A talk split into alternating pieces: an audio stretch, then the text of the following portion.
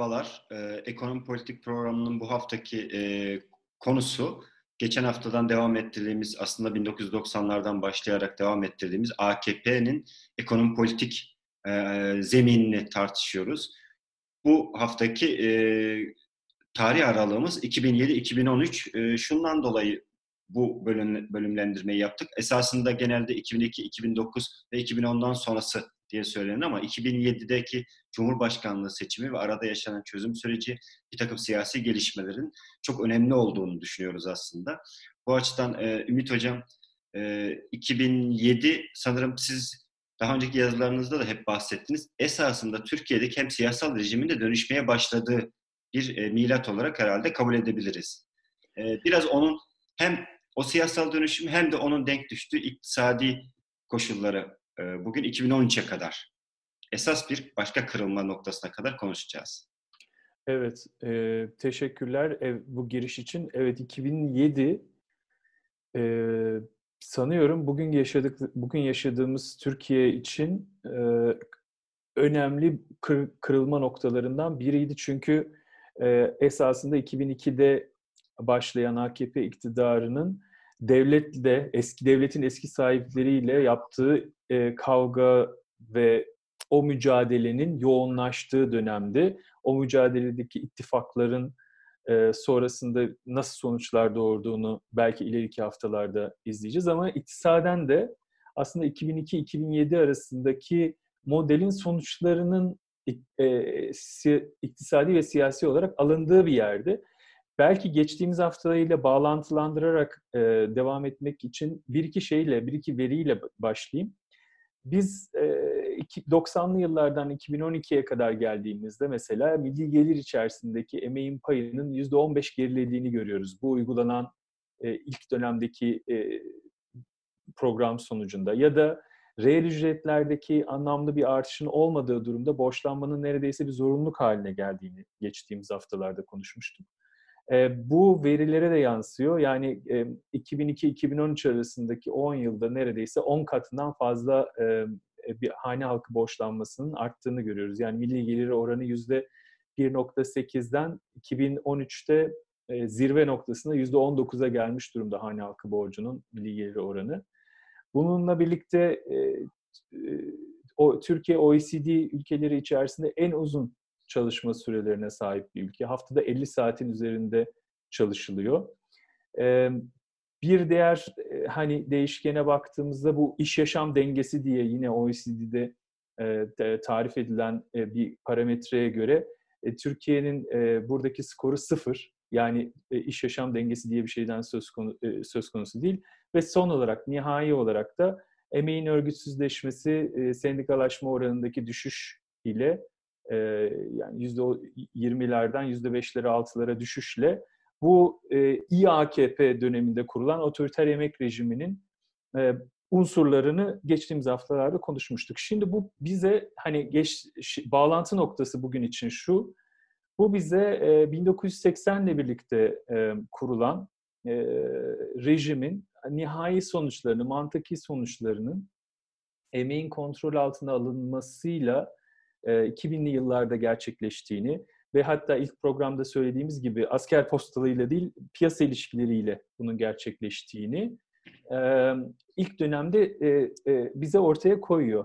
Bu siyasi çatışmanın odağını sınıflar arası bir düzlemden yani emekçi sınıfların daha aktif bir şekilde müdahil olduğu 90'lı yıllardan sınıflar içi, egemen sınıf içi mücadeleleri doğru bir kayma e, olduğunu gösteriyor. Yani sınıf çatışması, siyasi çatışmanın odağı e, sınıflar arası düzlemden, düzlemden egemen sınıf içi bir düzleme kayıyor ve bu ortamda tabii iktidar partisi için kimlik siyaseti ya da tipik popülist stratejinin e, takip edilmesi, biz onlar ayrımı, işte e, bürokratik oligarşi karşısında halkın gerçek temsilcileri, milletin gerçek temsilcileri gibi bir ayrımdan hareket ederek e, bu tip çerçeveler kolay bir şekilde operasyonel hale geliyor. Bu kavga egemen sınıf e, arasındaki e, mücadeleye dönüşünce. Yani AKP'nin işi e, oldukça kolaylaştı. Şimdi burada e,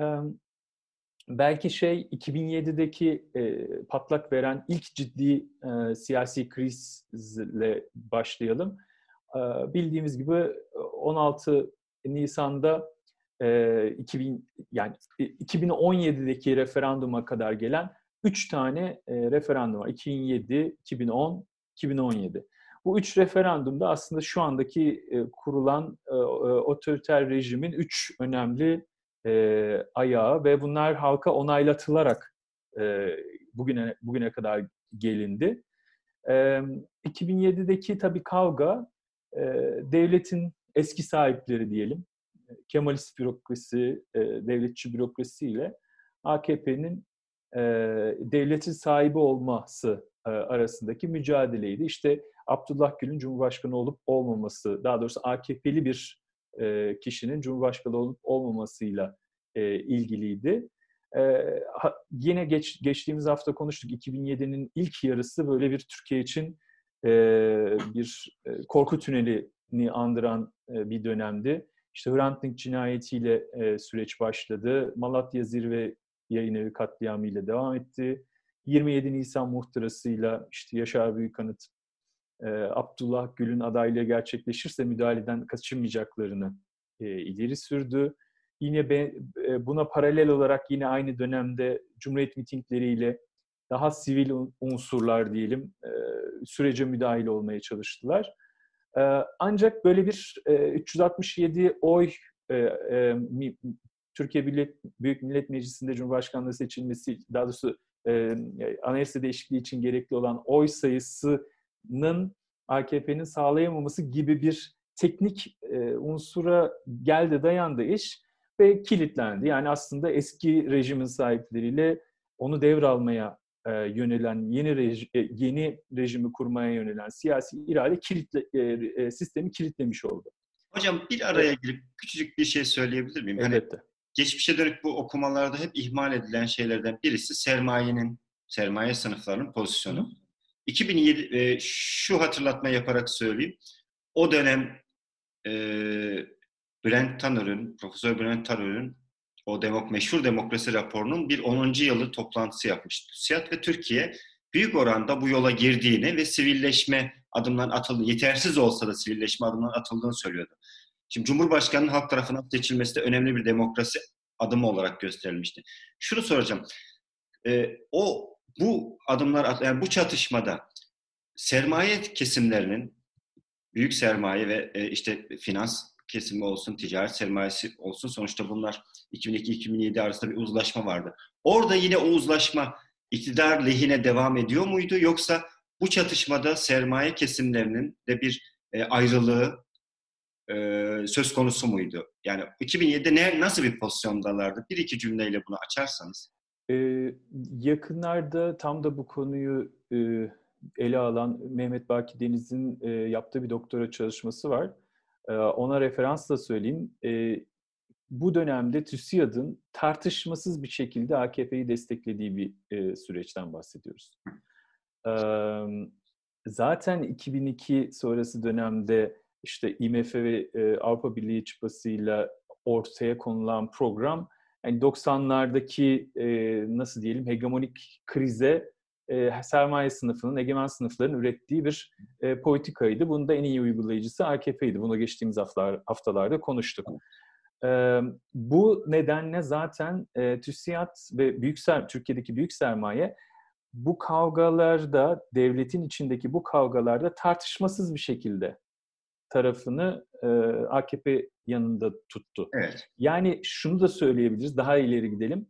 Eğer Türkiye'deki büyük sermaye sadece yandaş sermaye değil, büyük sermaye AKP'nin yanında yer almasaydı 2007-2013 arasından AKP sağ çıkamazdı. Yani Bu, benim de bir, e, almak istediğim cevap aslında hani çünkü ha, tabii tabii. Bunda bir ihmal edilen şeylerden birisi yani çatışma e, sermaye klikleri grupları arasında büyük sermaye ile iktidar arasındaki bir gerilimden. Çünkü şundan söyledim o dönem Aydın Doğan'a yönelik çok şiddetli bir baskı dönemi başladığı için sanki hükümetle hani büyük sermaye önemli unsurları arasında bir şey varmış gibi, gerilim varmış gibi anlatılır. O açıdan söyledim. Devam edebiliriz yani bir parantez olarak. Evet, evet. Gerilimler her zaman var. Yani 90'larda da var, 2000'lerin başında da vardı. Farklı bazı sermaye gruplarının tasfiyesi elbette söz konusu olabilir. Ama bir siyasi proje olarak genel devlet projesi olarak ya da devletle toplum arasındaki ilişki ya da dış politika, Türkiye'nin doğrultusu bu tip konularda AKP'nin ortaya koyduğu çerçeve ile devleti devralma projesini e, büyük sermaye tartışmasız bir şekilde destekledi. Zaten o olmasaydı mümkün değildi. Evet. E, bu e, belki şeyi e, arada e, buna girmişken e, iktisadi konjonktürü de ele alalım. 2008-9 küresel finansal krizin etkileri tabii Türkiye'ye yansıdı aynı dönemde. O açıdan şeyin AKP'nin birazcık 2008 ve 9'da zorlandığını görüyoruz. Hatta 2009 seçimlerinde ilk kez oy kaybetti. %38'lere kadar yerel, seçimler, evet. yerel seçimlerde oyu gerilemişti. O arada şeyi söylemeyi unuttuğumu fark ettim. 2007'deki bu sıkıştırmaya hani devletin eski sahiplerinin yaptığı sıkıştırmaya karşı AKP'nin temel stratejisi şeye getir genel seçimlere gitmek, erken seçime gitmek daha doğrusu. ve ilk gidilen erken seçim oldu bu 2002 sonrasında. Oyunu %34 34'ten %46'ya çıkardı 2007'de ve hemen ardından da Cumhurbaşkanı halk tarafından seçilsin mi seçilmesin mi konusu referanduma götürüldü ve %67 gibi çok çok yüksek bir oyla şeyi evet kararını çıkardı ve bugünkü şeyin kapısı açılmış oldu aslında. Cumhurbaşkanlığı hükümet sistemi olarak söylenen sistemin kapısı açılmış oldu. 2007'deki o parantezi kapatayım. 2008'de küresel krizin etkileri geldi. Biraz geri çekilme ekonomik daralma e, Türkiye'de yüzde dördü aşkın bir ekonomik daralma gerçekleşti. Bunun siyasi yansımalarını da gördük. İşte AKP'nin oyundaki geri çekilmeyi gördük. Ancak şey devam ettiği sürece, e, devlet içindeki bu kavga devam ettiği sürece AKP yöneticileri bu dönemde çok e, e, nasıl diyelim ustaca şeyi kullanabildi. Darbe demokrasi retoriğini e, kendi dışındaki kesimleri de kendisi etrafında e, kümelendirecek bir e, siyasi söylem olarak kurmayı etkili bir şekilde başarabildi. E, bunun sonucunda tabii e, şeyi de eklemesek olmaz. 2007-2008'de e, başlayan Ergenekon ve Balyoz davaları tabii e, bu esasında devlet içindeki mücadelenin tam odağındaki e, silahlı bürokrasiyi ve e, yargıyı bir ölçüde daha sonra kapsayacak bir mücadelenin en önemli ayağıydı. Yani öyle ki Türkiye'deki Genelkurmay Başkanı e, hükümeti devirmeye yönel, yönelmiş bir terör örgütü lideri olarak içeri atıldı. E, İlker Başbu. Bu da bize şeye gösteriyor yani e, işte Gülencilerle, e, Fethullahçılarla AKP'nin o dönemde e, kurduğu ittifakın e, sonuçlarını, daha doğrusu belki daha eskiden beri var olan bağlantıların o dönemde bürokrasi içerisinde operasyonel bir güç olarak eski devletin sahiplerini tasfiye için kurulmuş bir ittifak olarak daha da kuvvetlendiğini gösterdi. En son olarak bu kavgada belki 2009'daki kapatma davası eski rejimin son barutuydu. Attığı, kalan son barutuyla kullandığı bir şeydi. Ve kapatma davası kıl payı bildiğiniz gibi AKP lehine sonuçlandı. Ancak bunun da yarattığı bir risk, bunun e, e, böyle bir riski göze alamayacaklarını düşündüklerinden 2010'daki meşhur anayasa referandumu, 12 Eylül'deki e, anayasa referandumu geldi ve artık şeyin yani eski Türkiye ile yeni Türkiye'nin hani öyle kurdukları zaman o referandumda öyle kuruluyordu. Birbirine çarpışıp kimin kazanacağının belli olduğu bir e, dönemdi ama yine şeyi ekleyelim, iktisadi konjonktür ekleyelim. 2010 yılı ve 2011 yılı Türkiye'nin dünyada en hızlı büyüyen ülkelerden biri olduğu e, e, biri olduğu yıllardı. Çünkü korkunç sermaye girişleri gerçekleşti. Öyle ki Türkiye ekonomisi, e, Türkiye'deki ekonomi yönetimi sermaye girişlerini yavaşlatmak için ya da bunun yaratabileceği, yaratabileceği tedbirli e, olumsuzlukları engelleyebilmek için makroekonomik ihtiyati tedbirler başlığı altında kredi genişlemesini durdurmayı, azaltmayı, taksit sayısını azaltmayı e, e, e, içeren önlemler almışlardı. Yani oluk oluk para akıyordu. Bundan daha iyi bir konjonktür olması mümkün değildi diyelim. Ve 2010 referandumunu e, AKP ve ittifakları e, cemaat başta olmak üzere e, liberaller ve diğer e, yetmez ama evet vesaire bir sürü e, kendi etrafında kurduğu bu büyük haleyle e, tartışmış, tartışmasız bir şekilde kazanabildi ve hani eski rejimin diyelim e, kalan unsurları da bürokrasiden, yargıdan, e, HSYK'nın yeniden düzenlenmesiyle, Anayasa Mahkemesi'nin yeniden düzenlenmesiyle e, bu %58 evet oyu sonucunda e, gerçekleşti. Şimdi buradan sonra bir yanıyla ilginç bir e, duruma geliyoruz. E, devletin eski sahipleri tasfiye edilince birdenbire şey bir e, boşluk ortaya çıktı. Peki bu kadroları kimler dolduracak? Orada da hemen e, biz hızla e, işte bu demin söylediğim hakim sınıflar içerisindeki kavganın daha da yoğunlaşmasını hemen 2010'dan sonra da görmeye başladık. Zira e, 2016'daki darbe girişimiyle sonuçlanacak süreç. Hemen işte, e, 2010'dan sonra e, ya denk gelen bu Mavi Marmara e, gemisiyle e, ilk şeylerini gösteren, lübelerini gösteren AKP ile cemaat arasındaki ayrışma, e, daha sonra 2012'deki MIT krizi ve 2013'teki dershanenin kapatılmasıyla tırmandı ve 2013'teki 17-25 Aralık e, soruşturma e, e, ceza kovuşturmaları mı soruşturma mı neydi? Evet. Ee, e, savcıların açtığı e, yolsuzluk operasyonu e, davaları ile zirve noktasına vardı. 2013 bir yanıyla şöyle bir şeye de geldi. E, bütün bu süreç boyunca e, AKP bir ölçüde de e, cepheyi karşısındaki cepheyi e, daraltmak için e, Kürt hareketiyle e, Kürt hareketinin kendine üstüne gelmesini o dönemde belki engelleyebilmek için daha pragmatist bir şeyle e, çözüm süreci, barış görüşmeleri, kardeşlik görüşmeleri nasıldı? Farklı isimlerde e, gelişti şimdi tam hatırlayamıyorum ama e, bir çeşit barış süreci başlatmıştı.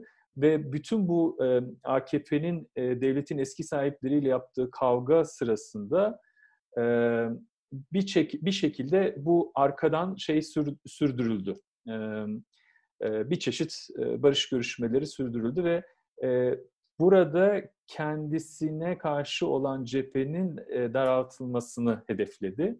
Ancak tabii bu 2015 seçimlerinde gördük ki tek bu tek başına AKP'nin pragmatist bir şekilde yürüttüğü bir şey değil. Aynı zamanda işte Türkiye'deki demokrasi güçlerinin HDP projesiyle AKP'nin karşısına çıktı ve ilk kez şeyin AKP'nin 2002'den sonra seçim kaybettiği bir yıl halinde sonuçlandı. Şöyle bir araya girip belki Hı? birkaç şeyin altı çizilebilir o zaman hocam. Sizin anlattıklarınızdan. Birincisi bu kadar yoğun siyasi yani devlet içinde, devlet içindeki klikler arasındaki çatışmaların bu kadar yoğun olduğu, operasyonların çok fazla olduğu, binlerce insanın gözaltına alındığı, nasıl yargılandığını bilmediğimiz bir dönem. Bir de basına yönelik de tabii bir şey var o dönem. Merkez medyaya yönelik de ağır bir baskı var. Buna rağmen e, oy konsolidasyonunu gayet iyi şekilde yapıp arttırması. İkincisi dediğiniz gibi hegemonik bir söylem kurabilmesi çok önemli evet, bir şey. Evet. Toplumun farklı farklı kesimlerinden. Bütün bunların temelinde yatan şey o meşhur Cumhuriyet tarihinde görülmemiş düzeyde giren oluk oluk paradır. Hani evet. mal edilen şeyin altına çizmeye çalışıyorum. Hani tabii, tabii. geçmişe dönük şey yaparken eski yeni Türkiye çatışmasında AKP'nin galip gelmesinin en temel e, dinamiklerinden birisi dünya konjonktürünün de e, buna çok uygun olması. Çözüm sürecinde e, hep ihmal edilen yönlerinden birisi sanırım bu. Hani buna buna bu kadar rahat yönelebilmesi, toplumdan bu kadar çekinmeden o 79 yıllık, 80 yıllık kırmızı çizgiyi bu kadar kolay tartışmaya açabilmesi aslında yine bu iktisadi konjonktürle ilgili bir e, şeydir, elini güçlendiren bir şeydir. Bunu söylemek istiyorum. Bir de şunu ekleyeyim hocam. E, sanırım he, e, çok az kişi değinmiştir buna. Tarhan Erdem çok değinirdi. O yıllarda hatırlıyorum ben.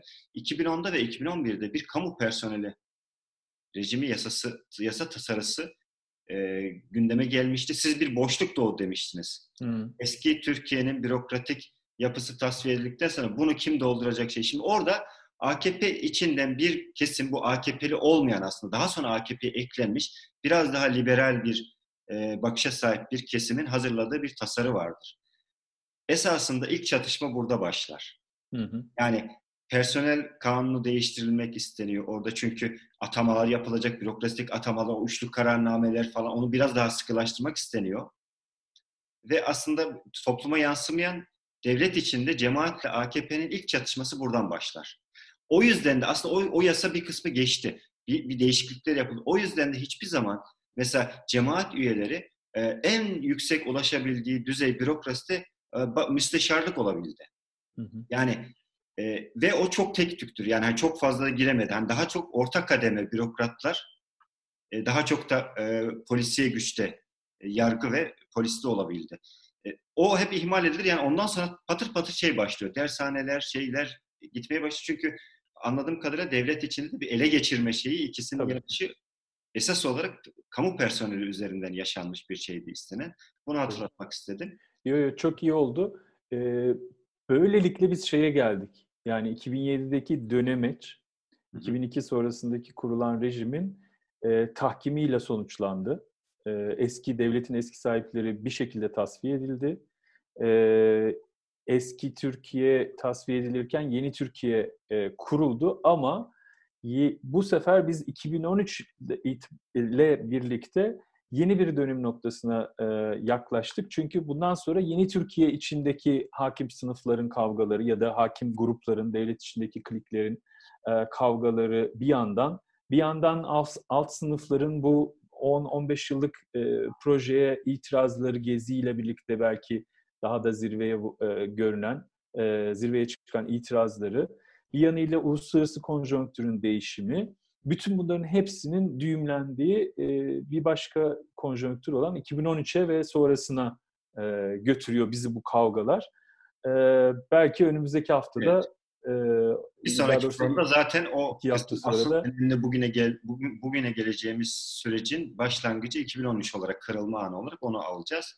Sonraki evet. programda onu tartışacağız. Evet. Teşekkürler hocam. Ee, aslında şöyle bu, bu haftaki programın şöyle bir e, güncel bağlantısı da olmuş oldu. Tekrardan dönüp bir vesayet tartışması var Türkiye'de. Vesayetin en fazla tartışıldığı, bu tartışmanın tekrar yaşandığı konjonktür de 2007-2013 arasıdır. Özellikle Cumhurbaşkanı halk tarafından seçmesi vesayetin ilk büyük kırılması olarak gösterilmişti. Sonra 2010 referandumunda e, Milli Güvenlik Kurulu'na yönelik yeni yapılanma, e, Genelkurmay Başkanı'nın Milli Savunma Bakanı'na bağlanması, hani sivilleşme, ordunun sivilleşme. Hakimler Savcılar Kurulu. Evet, Hakimler Savcılar Kurulu. Dolayısıyla aslında Ümit Hoca'nın çizdiği pencereden şöyle bir şey çıkıyor. Sadece bu gelişmelere bakıldığı zaman Türkiye'nin demokratikleştiği bir konjonktür olarak ve kesintiye uğradığı bir konjonktür olarak e, bahsedilen dönem esasında ekonomi politik temeli olarak bakıldığı zaman tersten bir otoriterleşme, aslında gerçekten otoriterleşme dönemi olarak okumak lazım olduğunu. Bir şey ekleyeyim mi? Ee, yani mesela Türkiye'de vesayet tartışmaları e, da ilginç bir şey var. Yani Türkiye'de sivilleşme demokratikleşme olarak algılandı ancak sivilleşme bir, bir yerden sonra e, sivil bir otoriterleşmenin olamayacağı yani böyle bir e, tahayyül yoktu. Otoriterlik eşittir e, askeri vesayet yönetimi ya da işte milli güvenlik devleti ya da işte Kemalist bürokrasi olarak algılandığı için e, herhangi bir sivilleşme demokratikleşme olarak algılandı. E, daha doğrusu o teorik çerçeve onu e, getirdi. Maalesef bunun yanlışlandığını acı bir şekilde geçtiğimiz evet. yıllarda gördük. Yani şimdi yaşanan tartışmalar açısından da işaret ettiğiniz gibi e, Türkiye'deki mevcut otoriter rejimin e, Cumhurbaşkanı Erdoğan'ın isteğiyle değil, onun maruz kaldığı, mecbur kaldığı bir ittifak bütünü sonucunda yaşandığını ileri sürmek e, nasıl diyelim oldukça geri bir tavır, oldukça e, sınırlı bir analiz. Zira 2018'den bugüne kadar 3 yıldır süren bir durgunluk var. Normal şartlarda 3 yıllık durgunluk olan bir ekonomide demokratik ülkelerde iktidarların iktidarda kalması neredeyse mümkün değildir.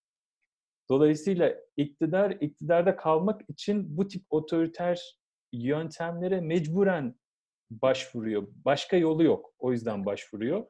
Belki bunu vurgulamak lazım. Yani sadece e, MHP vesayeti değil, e, vesayeti nedeniyle otoriterleşilmiyor.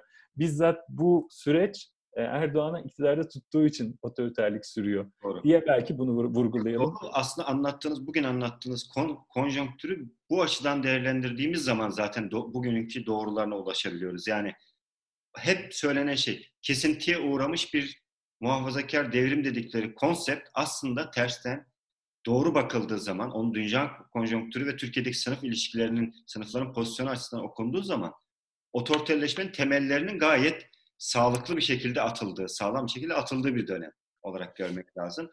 E, haftaya esasında 2013, bugünkü ben şu açıdan çok önemsiyorum. Tekrar vurgulayayım. Yani bu 2007-2013 arası Türkiye'nin rejiminin kurulmaya başlandığı bir dönemdir. Dolayısıyla onun e, ayaklarının iyi tespit edilmesi lazım. 2013'ten bugüne kadar, krize kadar dönemi de bir sonraki programda e, konuşacağız. Görüşmek üzere.